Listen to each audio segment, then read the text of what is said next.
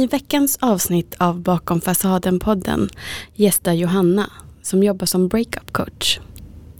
Vi kommer såklart prata om vad är en breakup coach och vad gör man som breakup coach. För vissa kanske det är självklart. Jag hjälper till vid eh, uppbrott. Ja men hur? Och eh, vad är det egentligen för problem hon möter hos sina klienter? Vad är det som gör att vi söker oss till en breakup coach? Det och mycket, mycket mera i veckans avsnitt av Bakom fasaden. Så slappna av, luta dig tillbaka och häng med.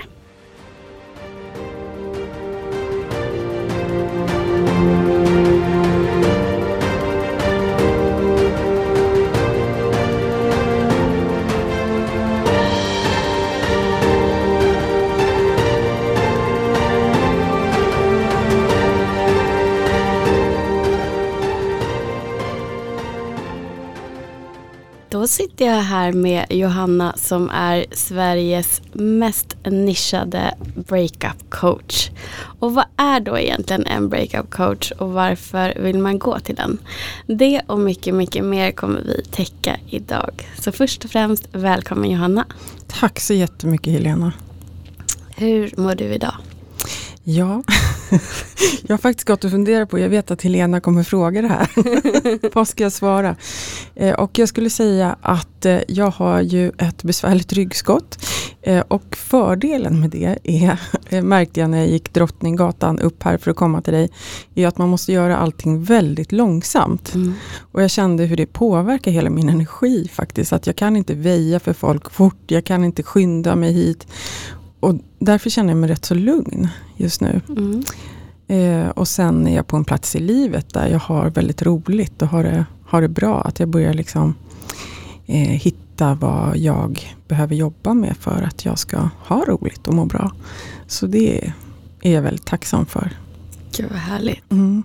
Det känns lite som det här året även kanske har haft den effekten utan ryggskott på människor med mm. allt som vi har tagit tag i. Verkligen. Precis så. Och där tänker jag att där har ju säkert många, i alla fall enligt statistiken, också brutit upp. Mm, precis. Och där kommer ju du in. Mm. ja, precis. Tyvärr. ja, precis. Mm. Men om du berättar lite grann om eh, vad det är du jobbar med. Mm. Eh, jag kan säga någonting om min bakgrund. Jag är beteendevetare och och eh, utbildad i psykoterapi, det som man förut kallade steg 1 som nu heter grundläggande utbildning i psykoterapi. Och eh, jag är utbild, utbildad i sorgbearbetning och lite grann i coaching. Så. Eh, och det jag gör nu är ju då att jag har tagit mig den här titeln Breakup coach. Det är ingen skyddad titel men det är en vanlig titel i USA. Eh, som jag tycker är väldigt bra att använda eftersom folk då direkt förstår vad det är som är min nisch. Mm. Eh, och det kan ju låta som att jag coachar folk att göra slut kanske. Eh, men det är inte det jag gör. det, kan, det kanske jag kommer göra i framtiden, det vet jag inte. Eh, men det jag gör just nu är att eh, coacha folk i, i tiden efter ett uppbrott. Eh, och i hur man eh, bearbetar känslor både kring uppbrottet och känslor som man har kvar runt sitt ex. Så. Ehm, på olika sätt. Främst genom att jag har en onlinekurs som heter Kom över ditt ex. Men också i en till en coaching. Mm. Så det gör jag och använder olika verktyg. KBT, sorgbearbetning, affektfokuserad terapi. Eh, ja, allt möjligt. Eller nej, det ska jag inte säga. Inte allt möjligt. Men ett Innan antal verktyg. Så, ja. Mm. Sorg måste ju ändå vara det främsta som man går igenom. Det är ju samma steg som om någon går bort för att mm. det blir en sån typ av separation. Verkligen, att det är en så stor förlust. Mm. Det, det är verkligen tydligt och att man behöver göra den här tillbakablicken på hur relationen såg ut, vad som var både highs and lows i, i relationen och få eh, en nyanserad bild av den. För det man ofta eh, har när man kommer direkt ur en relation som man kanske vill tillbaka till, det är att man idealiserar relationen eh, och bara liksom värmer sig vid de där minnena som var, var härliga. Eller så kanske man pendlar mellan det och att tänka att allt har varit skit. Eh, eller så kanske ens eh, partner har eh, bara pratat om relationen som om den var skit och så har man liksom dragits in i det. Eh, för vissa människor, alltså många funkar ju så när de ska ta steget att göra slut, att då måste de liksom för sig själva och inför den andra eh, leta bevis på att det här är det rätta steget att ta. Mm. Eh, och då som den som blir utsatt för det så kan ju ens bild av allting bli väldigt, det kan kännas väldigt kränkande att få höra att de här 30 åren har inte varit värda någonting. Det här har han eller hon egentligen inte velat eller så. Så då behöver man göra en egen reality check. Så här, vad, hur har jag upplevt den här relationen? Och då kanske man både upplever att ja, men det har varit jättemycket som har varit fint som den här partnern inte kan ta ifrån mig. Eh, men det har också varit saker som jag inte har varit så nöjd med. Eh, som jag kanske idealiserade innan. Så det är väldigt värdefullt att få den nyanseringen i sorgbearbetningen. Hur gör man då om man, om man kommer till dig och ska bearbeta sin, sitt uppbrott? Mm. Hur, hur, jobbar ni? Eh, det vi gör i kursen det är att vi går igenom ett antal moduler. Och vi börjar med en modul som jag kallar för prepping.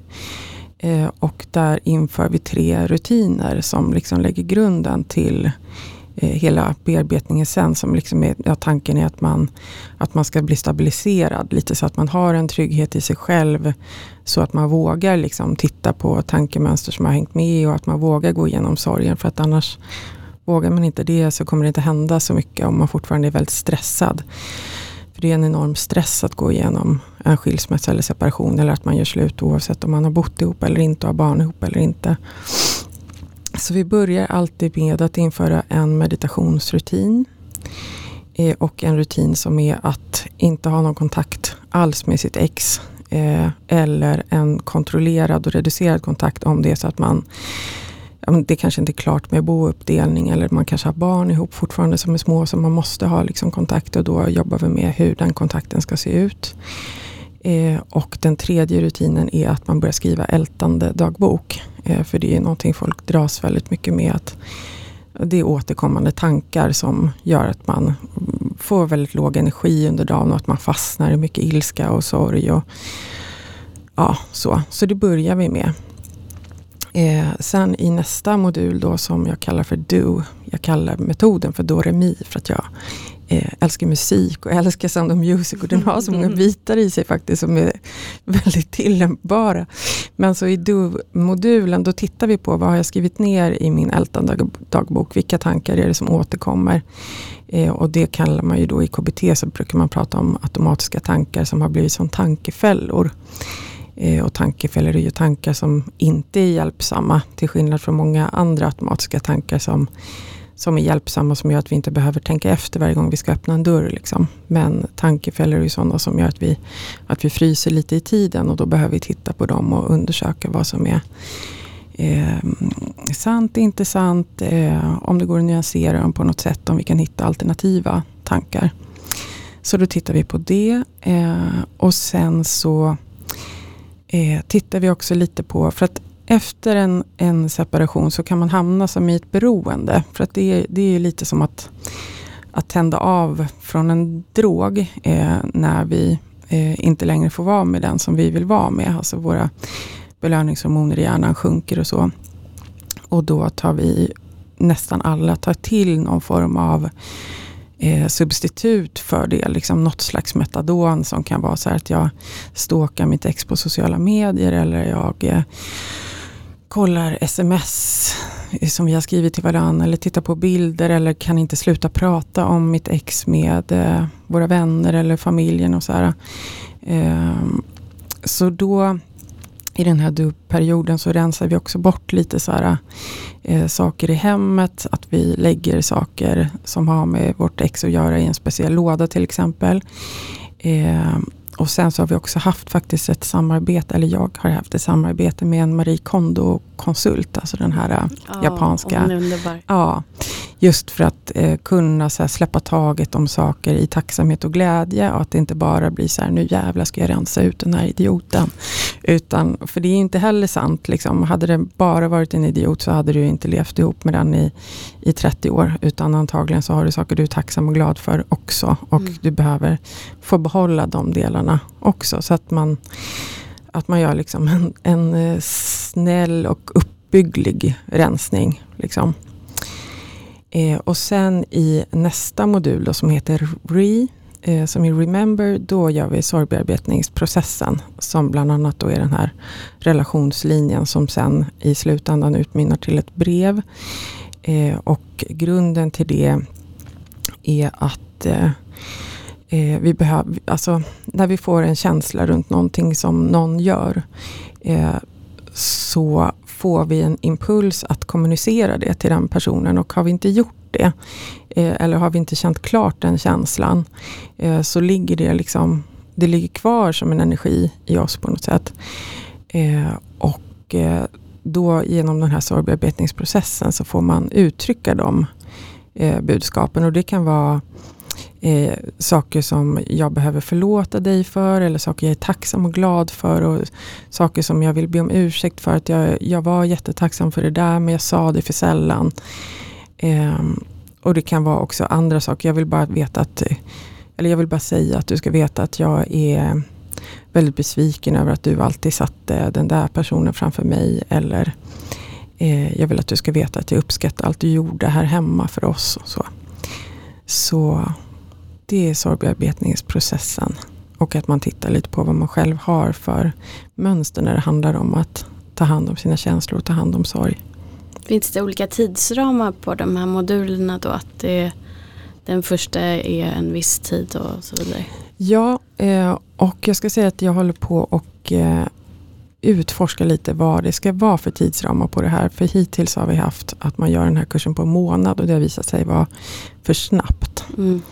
Eh, och särskilt då sorgmodulen behöver få ta lite mer tid. Så jag tror att den, i nästa omgång som jag kör den i den här versionen så kommer den få ta kanske två, tre veckor någonting. Så, så att man hinner landa och hinner fundera på saker och ting.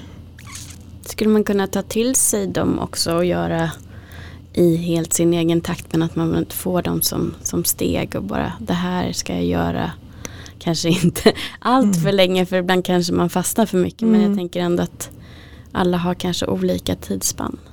Absolut och det är därför som jag just nu erbjuder kursen så att man kan göra den helt i sin egen takt utan coaching. Då. Eh, det enda man behöver göra då är att den här uppläsningen av brevet som man gör på slutet, att man antingen gör den Eh, till ett foto av sitt ex. Men det har en stor terapeutisk effekt att göra det för en, en livslevande person som man har fullkomlig tillit till. Eller ja, är man väldigt otrygg undvikande kanske man, det är svårt att, att, få full tillit till någon. Men tillräckligt med tillit så att man känner att man kan vara eh, genuin. Liksom. Mm. Eh, eller också kan man ju då så köpa till ett eh, coachingsamtal med mig just för bara det. Liksom. Och då kan man göra det precis när det passar en själv.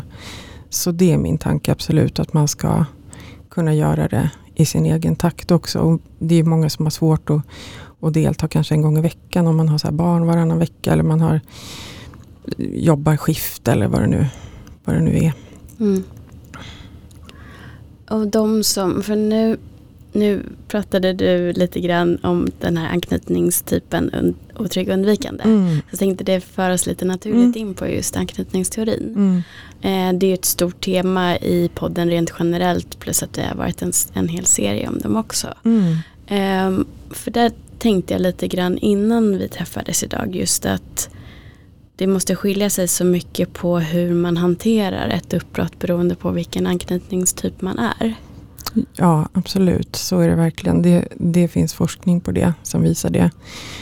Eh, där det, ska jag dra det lite? Ja, jättegärna. Ja, eh, där det visar sig då att de som har en trygg anknytning, eh, inte så förvånande, eh, klarar sig bättre. Vad man nu ska säga är bättre. Men eh, och det är ju ett antal beteenden som människor med trygg anknytning har som är att man vågar sträcka ut handen och be om hjälp, be om stöd, vilket ju är superviktigt för eh, läkningsprocessen. Men också att man gör en annan tolkning av situationen som inte är så mycket att det här är någonting som säger någonting om mitt värde eller det säger inte så mycket om mina framtidsutsikter att få knyta an till någon igen. Eh, och i och med att man gör den tolkningen som är att jag kommer klara mig, jag har stöd och eh, det här är nu, det kommer gå över. Eh, och jag kommer antagligen få bli älskad och älska igen. Så, så blir ju läkningsarbetet, kommer se annorlunda ut än om man har en otrygg ambivalent anknytning och tänker att det här eh, har verkligen med mitt värde att göra och eh, jag vet aldrig när jag kommer få kärlek igen och det här var den enda personen kanske och eh, man vågar inte riktigt ta stöd utan man kanske fortsätter att här, söka bekräftelse direkt genom så här, datingappar eller ja, på något sätt fylla det där hålet och försöka hantera den där smärtan på, på lite så här kaotiskt sätt kanske som bara är så här hjälp, jag vill inte vara i det här. Eh, därför att man inte har fått stöd när man var liten i att, så här, att du kommer överleva att det känns så här fruktansvärt just nu. Alltså det, det gör det ju för trygga, alltså tryggt anknutna människor också. Eftersom man har knutit an djupt så kan man ju känna jätte, jättestark smärta. Men att man eh, har med sig undermedvetet att jag antagligen kommer överleva det. Mm. Så. Men det är man ju inte helt säker på om man är otrygg. Eh, men det som också är, är positivt för folk som är så liksom att man har en ambivalent anknytning i botten otrygg, det är att man oftare söker kanske terapihjälp eller så. Och det gör att man ofta utvecklas mycket eh, vid sådana här kriser. För att det gör så ont och smärta är ju det som driver oss mycket. Smärta mm. och längtan, men smärta primärt. Eh, så det gör ju också att det, ja, men det kan öppnas upp en spricka i en där man eh, verkligen så här, låter andra komma in och, och, hjälpa en för att man har inget annat val för man står inte ut. Liksom. Exakt just så, man står inte ut. Mm. Det, det, blir för mycket. Det är här, jag, jag, vägrar vara i, i, den här känslan mer för att det är för mycket, hjälp mig. Mm. Den tanken blir väldigt påtaglig. Precis. Och de som är otryggt undvikande, hur? De har, de har inga större problem Nej. faktiskt vid, vid separationer. Alltså det, ja, eftersom man är van vid att släcka ner. Liksom. Men eh, sen vad man känner för stress på insidan är ju, är ju en sak. Men, men det man har kunnat se i undersökningar är att de inte uppger det. Sen var det att om man inte är i kontakt med sig själv helt enkelt för att man stänger av känslorna vid halsen liksom, och, och befinner sig uppe i huvudet. Det, men, men hur mycket besvär de uppger är i alla fall mycket, mycket lägre. Så. Mm. Och på kaotisk desorganiserad anknytning har det inte gjorts forskning men det kan jag ju säga att jag redan vet att det blir tufft liksom, av det jag har sett. Mm. Så. Jag följer en kanadensisk eh, grupp, eller man ska säga, det är en organisation som heter Personal Development School. Mm. Och eh, de är specialiserade inom anknytningstyper.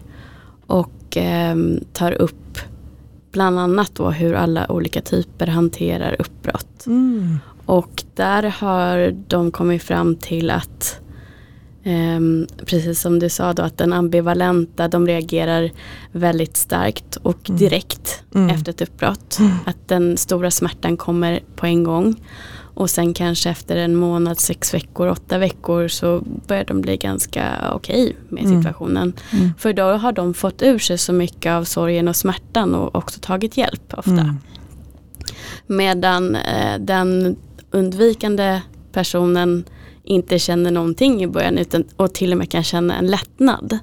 För det är ingen som är så himla nära som det är jobbigt att ha någon. Och det är ingen som kräver någonting av dig. Du Just behöver det. inte committa något mer. Um, och ja, mår generellt sett väldigt bra. Men just efter 6-8 veckors sträcket mm. så börjar det komma en saknad mm. istället. Oh.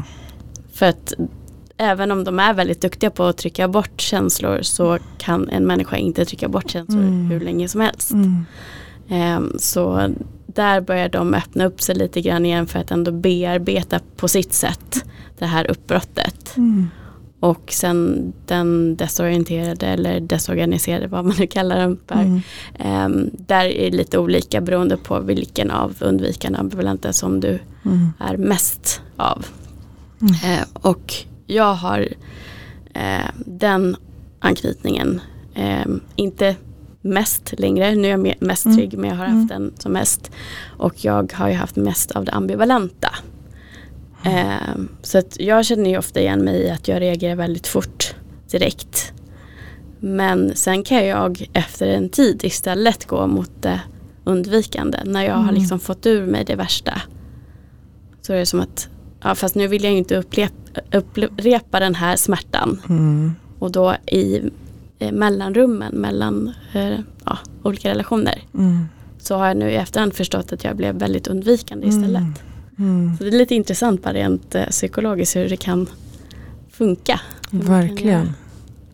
Det är som att man har olika melodier man spelar. Liksom. Ja, precis. Mm. Men om vi återgår till just hur, hur du jobbar och dina klienter. Mm. Tar ni upp anknytning någonting? Eller att du bara ser det? Liksom, Ja. Eh, min ambition var det från början och sen insåg jag att det nog är lite stort. Jag har tagit upp det i mina webbinarier eh, när jag pratar om så här, varför man inte, varför det kan vara svårt att komma över sitt ex om man liksom känner att det har gått ett halvår, år och man fortfarande har ungefär samma grad av smärta. Liksom, så har vi pratat om det. Eh, och jag har tänkt liksom att vi ska ha det i det som jag kallar för bonusmodulen. Men än så länge har vi inte pratat så mycket om det. Men jag försöker liksom tipsa mina deltagare om de som är nischade på just anknytning. Så. Eh, men jag skulle nog säga att de vet om att det, att det finns Mm. förklaringar till det. Men att eh, ja, jag vet inte riktigt hur jag ska kunna hjälpa dem. Liksom med så här, går det att förändra anknytningstypen genom en onlinekurs i en modul? Så här. Nej, men Utan det, jag- kan- det jag kanske räcker med att du får, får det in i deras Mm. medvetande att de faktiskt inte är såna här som de blir. För att jag, jag skulle vilja skilja väldigt mycket på anknytningstyp och jaget. Jaget är ju den du känner att du Mm. är när du är autentisk och när du är icke-triggad så att säga. Mm. Medan när du blir triggad av någonting som ligger väldigt djupt rotat i dig sedan barndom Mm. så reagerar du utifrån din anknytningstyp. Och jag kan ju i och för sig bara tala för mig själv egentligen men jag känner ju inte att jag är den personen jag är när jag har varit som mest triggad. Mm. Det den personen vill jag inte vara, det gynnar inte mig för fem öre och det har Mm. verkligen inte gynnat mina relationer. Mm. Så att, den, att bara få veta att du kan ju faktiskt läka dina sår och på så sätt förändra så att du inte längre blir den personen du inte vill vara när du är jättetriggad. Mm. Så viktig distinktion. Alltså att, att, eh, och det jobbar vi med i mindfulness. Eh, Vi jobbar en hel del med meditation i det. Att, så här, att skilja ut sig själv från inom citationstecken problemet. Liksom att jag är inte hela det här. Mm. Eh, För det kan verkligen vara ett stort hinder i att man tänker att jag är sån här. Jag är en svag person. Jag är en needy person. Så, nej, men du, du har ett sånt problem med det. Att du lätt blir så. Men du är inte det. Precis. Mm. Och där också, nu glömde jag säga det, men den otryggt undvikande har också ett mönster av att eh, efter tid har gått Mm.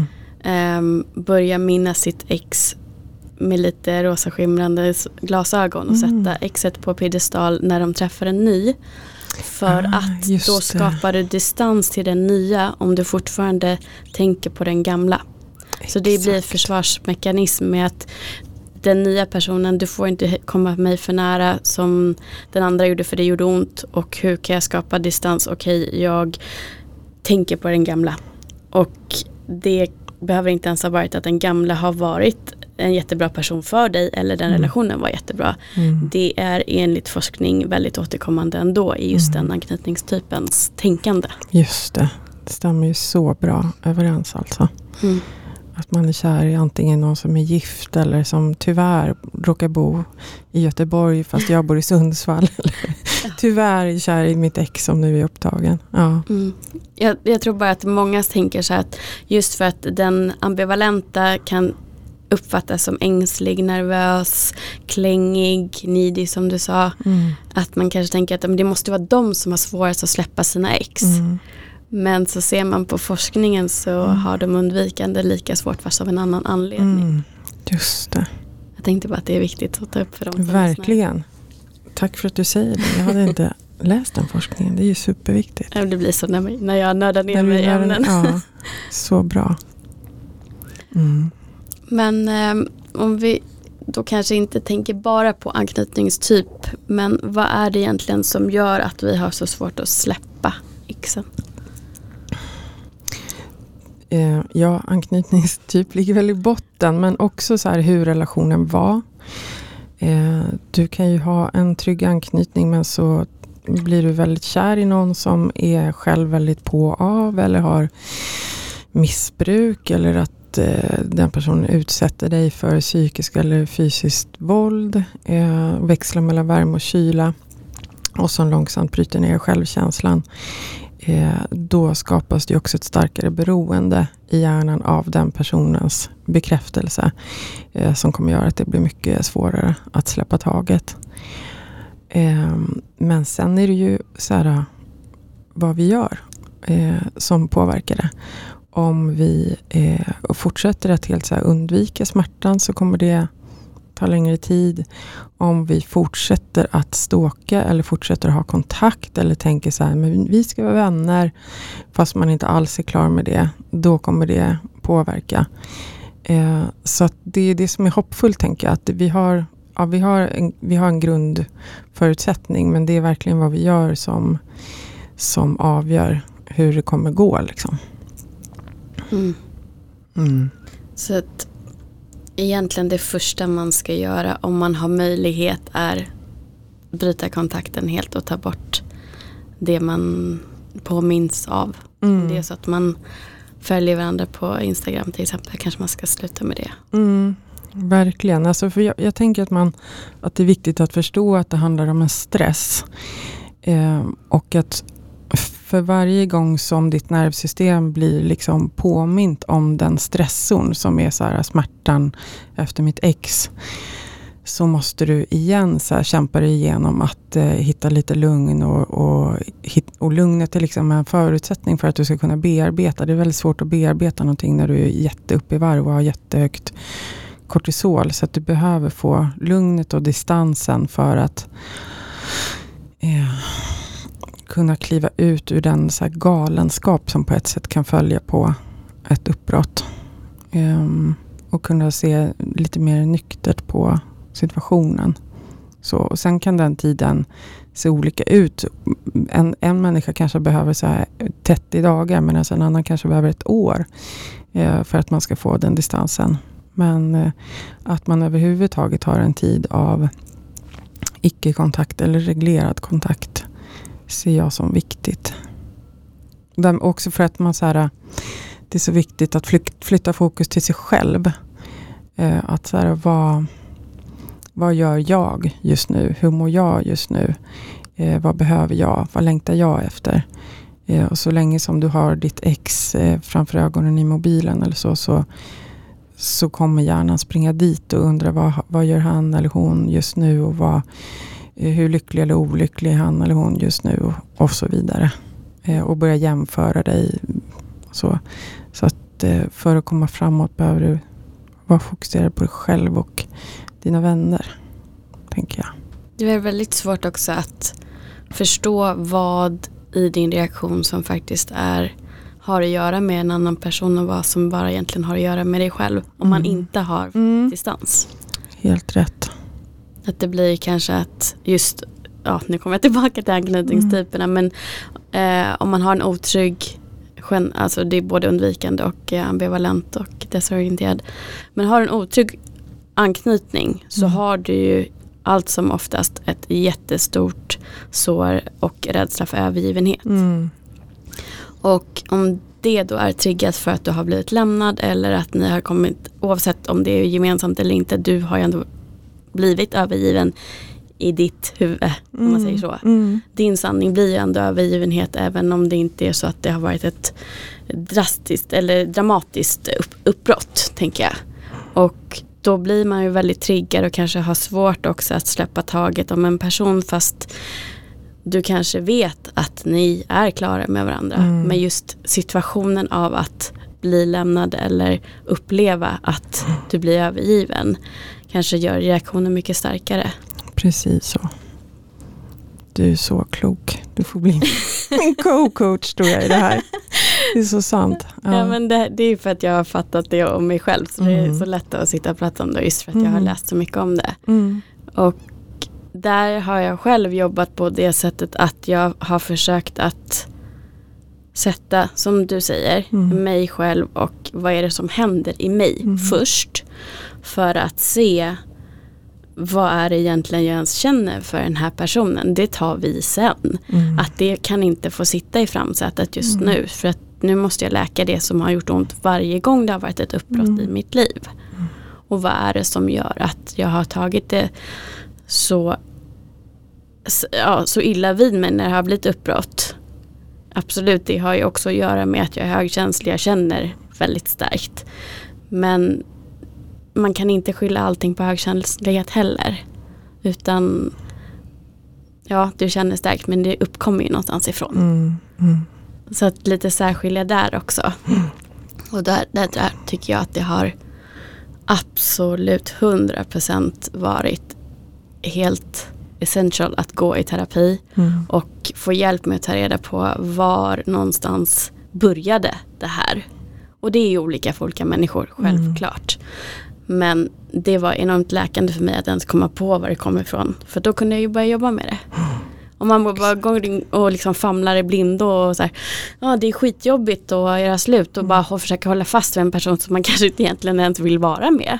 För att slippa känna sig övergiven. Och inte vet varför. Nej men då kan du ju inte läka det. Alltså oavsett, jag har, har ju liksom pratat sönder vänner, familj. ehm, och ja, försökt komma på varför det är så jobbigt i så många år. Mm. Men går du inte bakåt i tiden och börjar titta över saker som du kanske inte tror har med saken att göra. Då kommer du inte komma framåt. Mm. Kunde inte, absolut inte ha sagt det bättre själv. Exakt så. Mm. Så ehm, ja, men hur, hur ska vi hjälpa?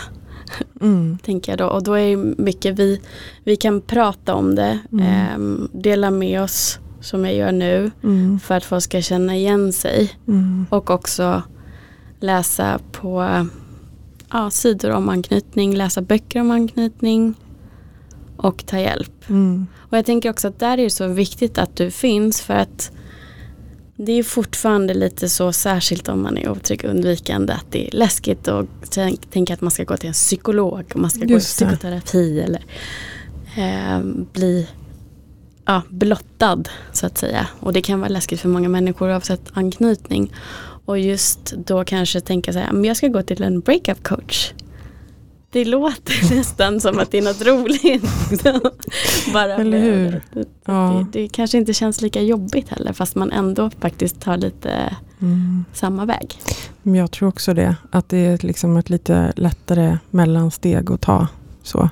Och sen kanske man inser efter onlinekursen att man vill just att man behöver jobba med eh, djupare saker från eh, när man var liten och så. Och då gör man det kanske bäst individuellt. Så, så absolut. Att det är olika steg. När du har de här kurserna blir det också Mm. ett bra samspel mellan klienterna för ni är ju väl en grupp som Mm.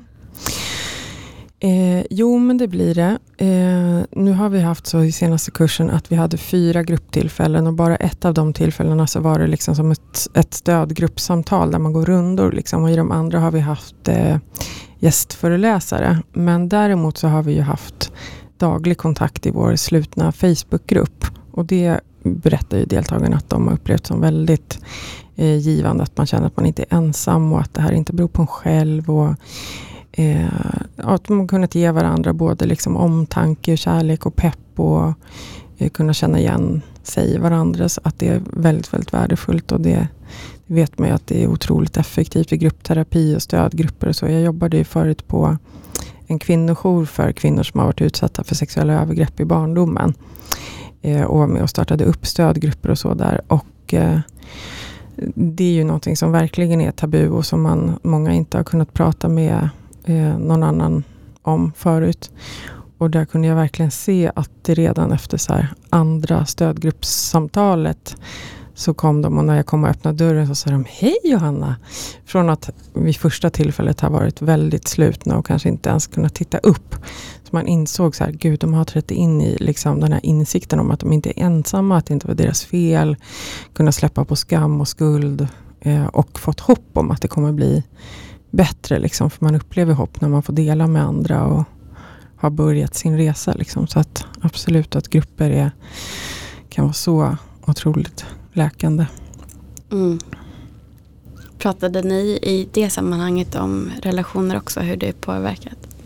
Ja, det blev det absolut. Alltså i, de, I just det formatet där jag var med och jobbade så pratade man om olika känslor vid olika eh, det var som ett, en mall som man följde. Liksom, så att vid ett stödgruppsam, stödgruppsamtal så kanske man pratade om eh, ja, men ilska och någon om skam, någon om sorg och sen kanske om så här, hur det har varit i familjen och eh, min sexualitet idag och, och så. så att, och sen så är det upp till deltagarna vad de vill prata om, alltså vad de vill dela på sin tid. Liksom. Men jag var ju inte med mer än att jag startade upp och var med om det blev problem i gruppen och eh, var med och sen utvärderade. Så riktigt vad de pratade om, det vet jag inte. Men jag är helt övertygad om att, att relationer var ett, ett eh, återkommande tema. Mm. Allt är ju relationer. Mm. Ja, det, det, det är intressant ändå hur mycket som man inte tänker på och vi är väldigt snabba på att döma varandra tror jag. Mm. Eh, rent generellt utan att tänka på att varje person har sin ryggsäck med sig. Mm. mm. Och jag kan uppleva att eh, det vore bättre kanske om vi försöker pausa lite grann just när man blir arg kanske för att någon har gjort slut då. Mm. Till exempel för att eh, den personen kanske har en för tung ryggsäck och inte klarar av att gå, vara i en relation just då. Och det visste kanske inte den personen först mm. de gick in i en relation heller. Eh, och sen så vet jag också att det har funnits människor som har varit tillsammans i alltså, 20-30 år. Där den här personen har varit så van vid att de inte ska prata om det de har varit med om tidigare. Så att de har inte gjort det och sen till slut så orkar de inte längre. Mm. Och så kommer det fram kanske just när de redan håller på att skilja sig.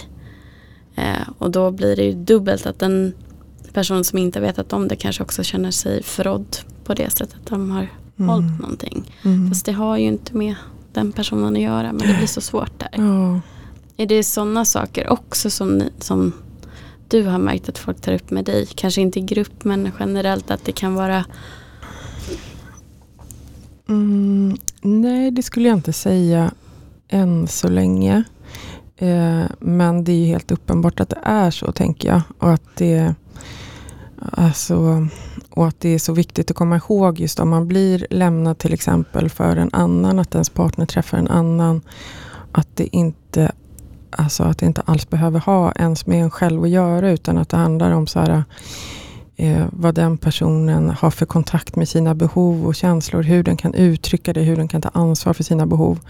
Och att det här är den personens eh, förmåga just nu att ta ansvar för sina behov eh, och ta ansvar för andra eller inte göra det, eller beroende på hur man ser det.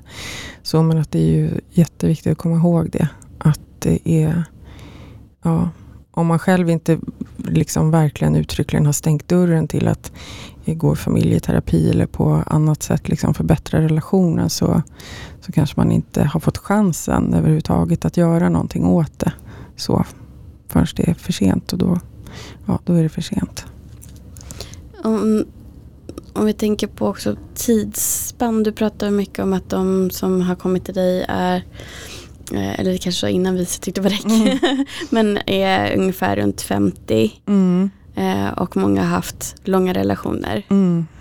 Men är det samma typ av sorg som uppkommer hos någon som kanske inte är eh, i den åldern och kanske haft kortare förhållanden? Är, det, mm. är det liknande steg i sorgen?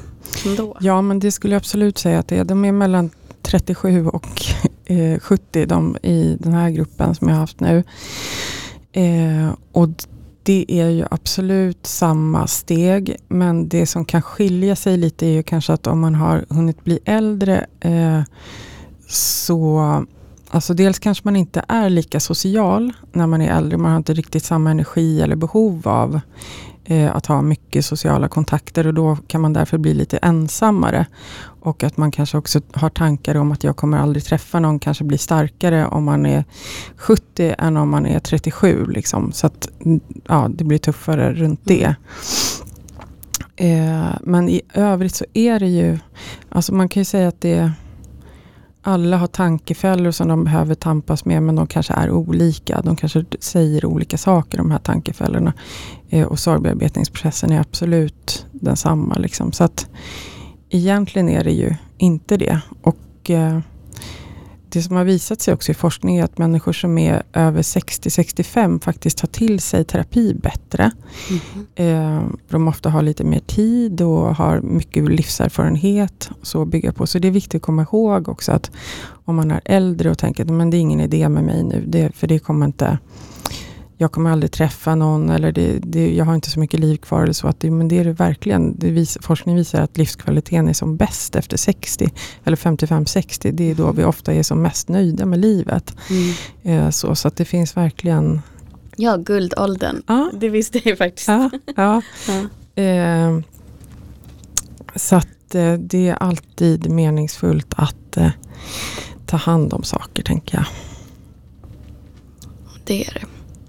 Och också anledningen till att jag frågade det var ju för att jag tänker att eh, de flesta som lyssnar är ju alltifrån 25 till 45, den största gruppen. Men jag har också lyssn lyssnare som är både yngre än så och äldre än så.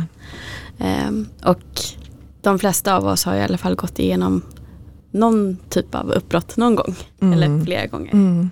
Så att eh, även om de som lyssnar kanske är 18 och genomgår sitt första breakup eller mm. någon som är eh, 55 och har levt med samma person länge eller har mm. flera stycken. Att det ändå är samma smärta som man mm. känner, samma steg som man måste ta. Att det, är ändå, det kanske tar olika tid men att det är ändå samma sorg. Ja, precis och jag tror att det är just när man är, om man är Alltså jag satte liksom igång och, och harva mina breakups redan när jag var tonåring. Liksom, blev det jättejobbigt för mig. Eh, och om jag hade fått liksom verktyg att, att eh, ja, men titta på vad det berodde på, att det blev så stort för mig eh, och att läka det när jag var ung, liksom, så hade det inte behövt byggas på så mycket. Så jag tänker att det är ju otroligt hoppfullt om man är 18 eller yngre till och med och lyssnar på det här och eh, se till att ta hjälp och ta stöd på riktigt. Så har man alla, alltså att man har verkligen möjlighet att, att lägga grunden till någonting som kan bli så bra sen om man tar hand om det som händer nu.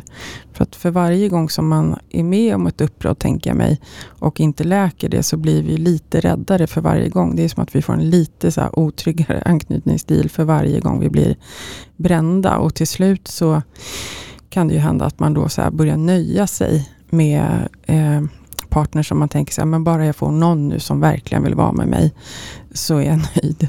Och så ja, så blir det såklart inte bra och kommer till slut leda till antingen ett väldigt långt olyckligt äktenskap eller eh, till att man själv gör slut eller så här, titta på andra eller så.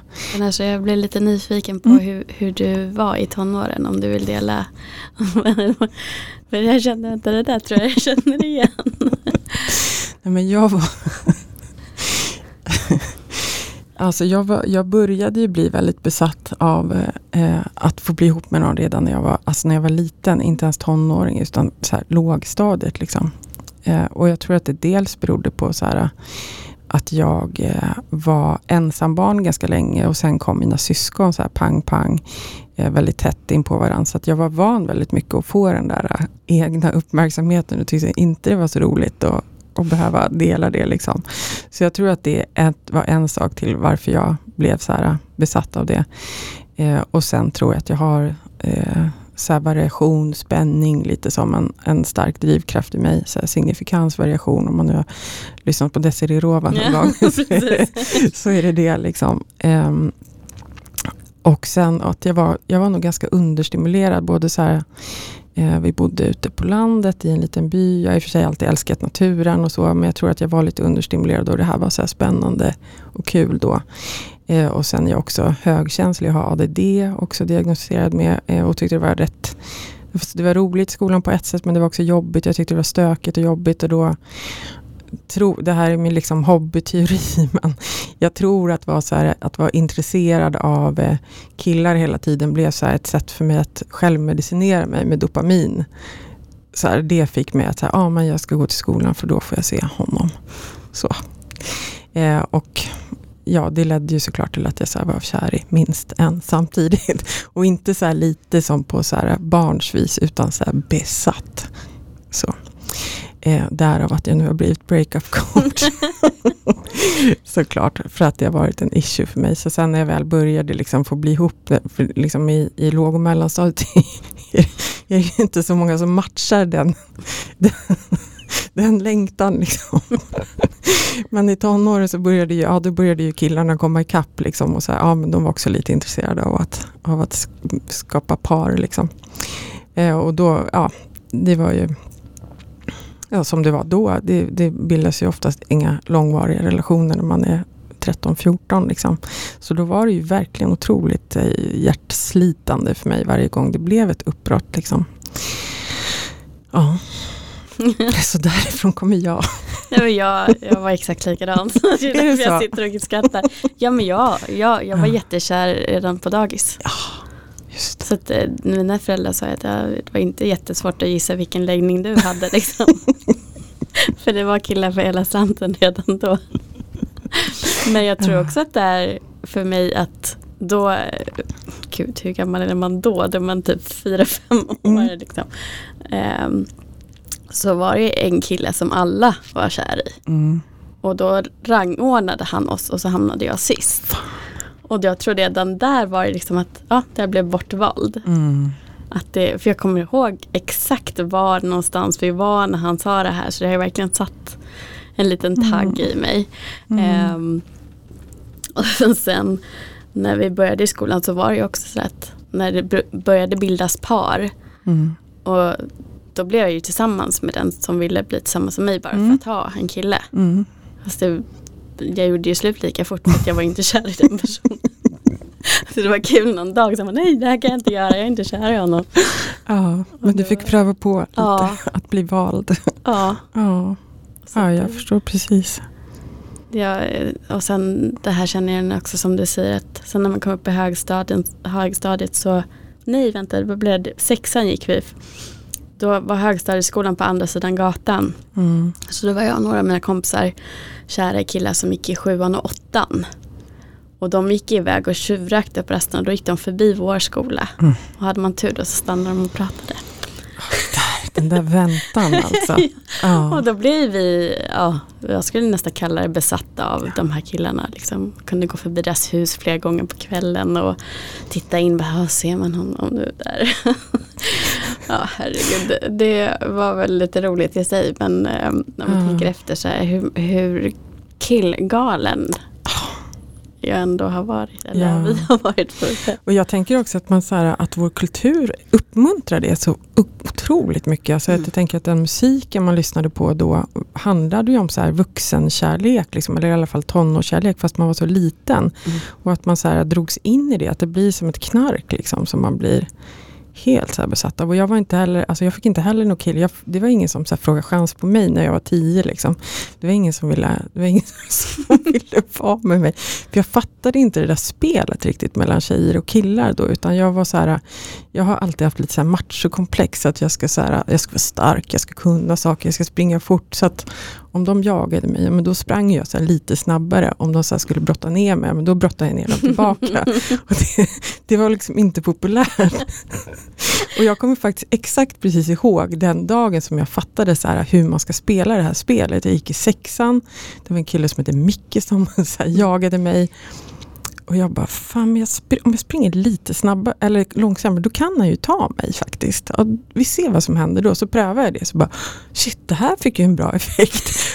och, så, och, så, kunde han så brotta ner och jag bara, jag vet att jag kan brotta ner honom men okej okay, jag låter honom så brotta ner mig lite för att se vad det är. Ja men då blev han ju mycket mer intresserad. Så, här, så det var, ja det, det, det var ett, ett, ja det är tragiskt att det är så men så var det i alla fall. Mm att mitt machoproblem satte, eller ja, jag ska inte säga machokomplex men att jag också ville vara stark. Liksom. Mm. Mm. Intressant ändå hur, hur mönstren bildas så tidigt. Mm. Och det har jag också pratat med Andreas om, just det här med hur vi får inpräntat så tidigt och så starkt om hur en relation ska se ut genom alla de här amerikanska romantiska komedierna och sen så kom det också svenska filmer. Eh, jag är den generationen som till exempel såg på Vinterviken och mm. Eh, alla de här filmerna när det ändå är sådär att det är mot alla odds och man mm. kämpar för varandra och, och sådana saker. Och där mm. kunde jag bli så arg sen när jag kom upp i den åldern så jag ändå hade relationer. Så här, varför kämpar ingen för mig? Mm. Att jag mm. trodde att det skulle vara så på det mm. sättet. Att det blev liksom nästan viktigare att ha någon som valde och någon som kämpade för mig än att se om det verkligen var en person som jag passade ihop med och som jag verkligen ville ha för vem han var. Ja men exakt. Och det säger så mycket om, tänker jag också, vart man så befinner sig mognadsmässigt. Mm. I, när, att man börjar det här när, när man så här, söker efter en viss känsla istället egentligen för en viss person. För det är också en tid full av projektioner. Liksom, att man Alltså om jag tittar tillbaka nu på så killar som går i femman, så här, vad, vad, hade, vad hade de kunnat ge mig?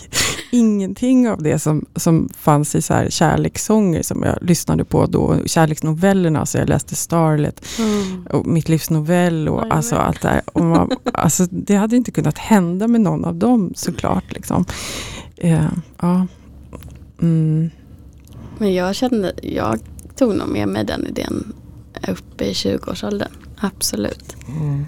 Och det som var lite synd där var ju att jag hade med mig den där romantiska idén om hur det ska vara. Samtidigt som att jag då också gick in i väldigt destruktiva relationer. Mm. Så att ja, jag, jag, kan tänka mig att det här är någonting som inte jag är ensam om. Att det är många som har gjort samma sak och det är lite har också gjort att vi kan ha haft en tryggare anknytning som barn men sen där i tonåren, 20-årsåldern så, så är man så skör och man försöker hitta sin egen identitet samtidigt som att man försöker lära sig vem man är i en relation och blir det då att man dessutom har en stereotyp bild av normen utifrån mm. samhället och filmer och allt vad det nu kan vara och så går man in i en relation med någon som inte är emotionellt kapabel till att ge dig det du tror att de ska få och så utagerar du för att du tror att det är det som de gör. Mm. Så det blir så alltså pannkaka av alltihopa. Ja, verkligen. Och att man tänker så att det är normalt att, så här, att kärlek är smärta. Det är, ja. det, det är synonymt liksom. Exakt. Det, det tror jag är allt för vanligt och det, det märker jag också. Mm. Eh, jag har pratat lite med Linnea Molander om just det här att det är så jäkla läskigt och helt plötsligt vara med någon som vill dig väl um, när du inte är van vid det. Mm. Att det känns inte tryggt fast det är tryggt. Det trygga känns otryggt mm. för att du är ovan vid att någon inte bråkar med dig hela tiden, inte påpekar vad du har gjort fel mm. eller um, kan faktiskt svara när du ringer och smsar. Mm. Sådana saker som vi är så många som inte är vana vid. Mm. Eh, så att det, lite teaser kommer hon faktiskt komma ut med en kurs mm. om just och det känns ju jättesorgligt på ett mm. sätt också att, att det är, finns ett behov mm. av det. Men jag tänker också att ju mer vi pratar om det, är det fler som förstår att det här är ett problem och mm. du är inte ensam om det. Men vi kan ju faktiskt hjälpa oss själva och varandra mm. Ur det. Så viktigt, alltså, för det skapar ju så mycket frustration. Att man så här, å ena sidan vill någonting och sen när man börjar få det så känner man sig trängd. Liksom, eller att det blir kravfyllt eller så här, lite äckligt för att det kommer så nära. Mm. mm. Och där inte heller, igen, återigen, det är inte den du är utan du reagerar mm. utifrån din anknytning när du mm. känner så. Mm. Är du otrygg och får någonting som är tryggt då är mm. det som jag sa precis ovant. Mm. Och det är därför det känns obehagligt. Precis. Inte för att det är någonting fel eller någonting som Eller den personen behöver inte vara fel för dig. Exakt, och det handlar ju, tänker jag, att om man inte, om man aldrig har behövt så här, sätta sina känslomässiga gränser därför att man alltid har varit med någon som inte kommer nära. Så är det så här att då kan det kännas som att man blir invaderad, liksom, för att man inte vet hur man hur man gör det. Vad innebär det? Liksom? Hur vet jag när det känns ja och nej när jag inte har behövt när jag inte haft en trygg person att säga ja eller nej till utan alltid behövt så här, jaga lite. Mm. Så. Superbra. Mm. Så återigen, jag vet att många av våra gäster att vi tjatar om det men det är ju därför att det är så. så att ska vi tipsa lyssnarna om någonting så blir det ju, känner jag, terapi. Mm. Eh, till att börja med. Och lära känna sig själv. Också när man jobbar med ett uppbrott och jobbar Mm. med dig så ingår ju det också att Mm. du sätter den andra personen lite åt sidan om jag Mm. fattar det rätt. Mm. Och faktiskt vänder blicken inåt och ser vad är som händer i mig just nu. Varför tar jag det här uppbrottet så hårt? Mm. Vad är det egentligen som smärtar? Mm. Och sen när du har bearbetat sorgen Mm. Så kanske du behöver bearbeta sorgen av just den här personen Mm. eller om ni ska kunna ha någon relation Mm. framöver överhuvudtaget. Om, men att det får ta lite baksätet medan du tar hand om dig själv Mm. först. Mm. Precis. Jag skulle inte säga att vi, vi jobbar, alltså just i den här kursen så är det fokus på att läka eh, såren efter just, just det här uppbrottet eftersom formatet inte riktigt är eh, tillåter så mycket eh, individuell liksom, djupdykning bakåt. Så, utan det gör jag mer i individuell Ja, coaching. jag tänkte så. mer individuellt. Ja, ja men precis. Ja, exakt.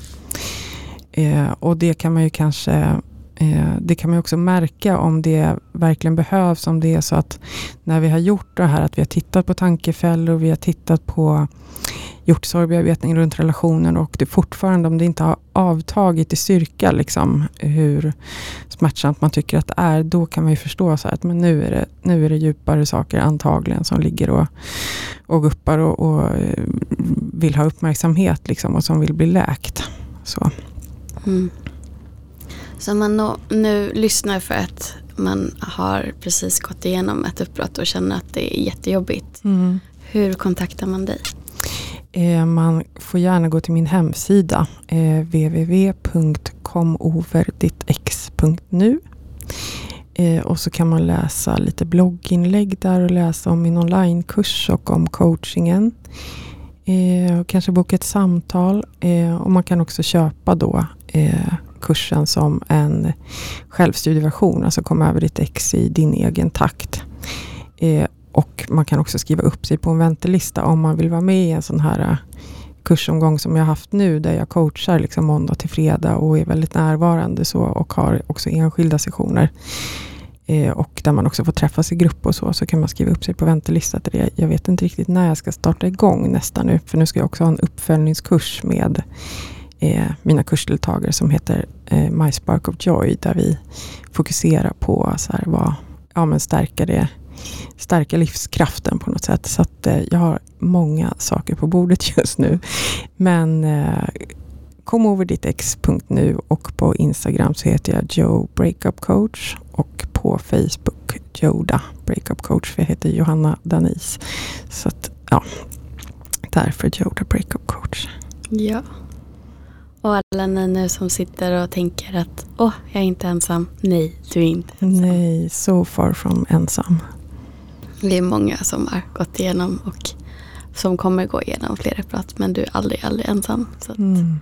tänk på det och ta hjälp. Och eh, är det någonting ni undrar över så släng iväg ett meddelande till Johanna. Och självklart får ni som vanligt alltid kontakta mig också. Och jag nås lättast på Instagram. Bakom fasaden podden heter jag där. Mm. Och eh, om du gillar det som du har lyssnat på idag och även andra avsnitt så får du jättegärna lämna en kommentar på iTunes podcaster eller ett betyg. Eller bara skriva ett meddelande med feedback. Och dela jättegärna podden med andra. Mm. Tack så jättemycket Johanna för att du var med idag. Tack jättemycket Lena. Du har verkligen bidragit med massor till mig. Ja, vad härligt. Ja, tack för ett trevligt samtal. Tack så mycket. Mm. Och till dig som lyssnar, tills nästa gång, ta hand om dig.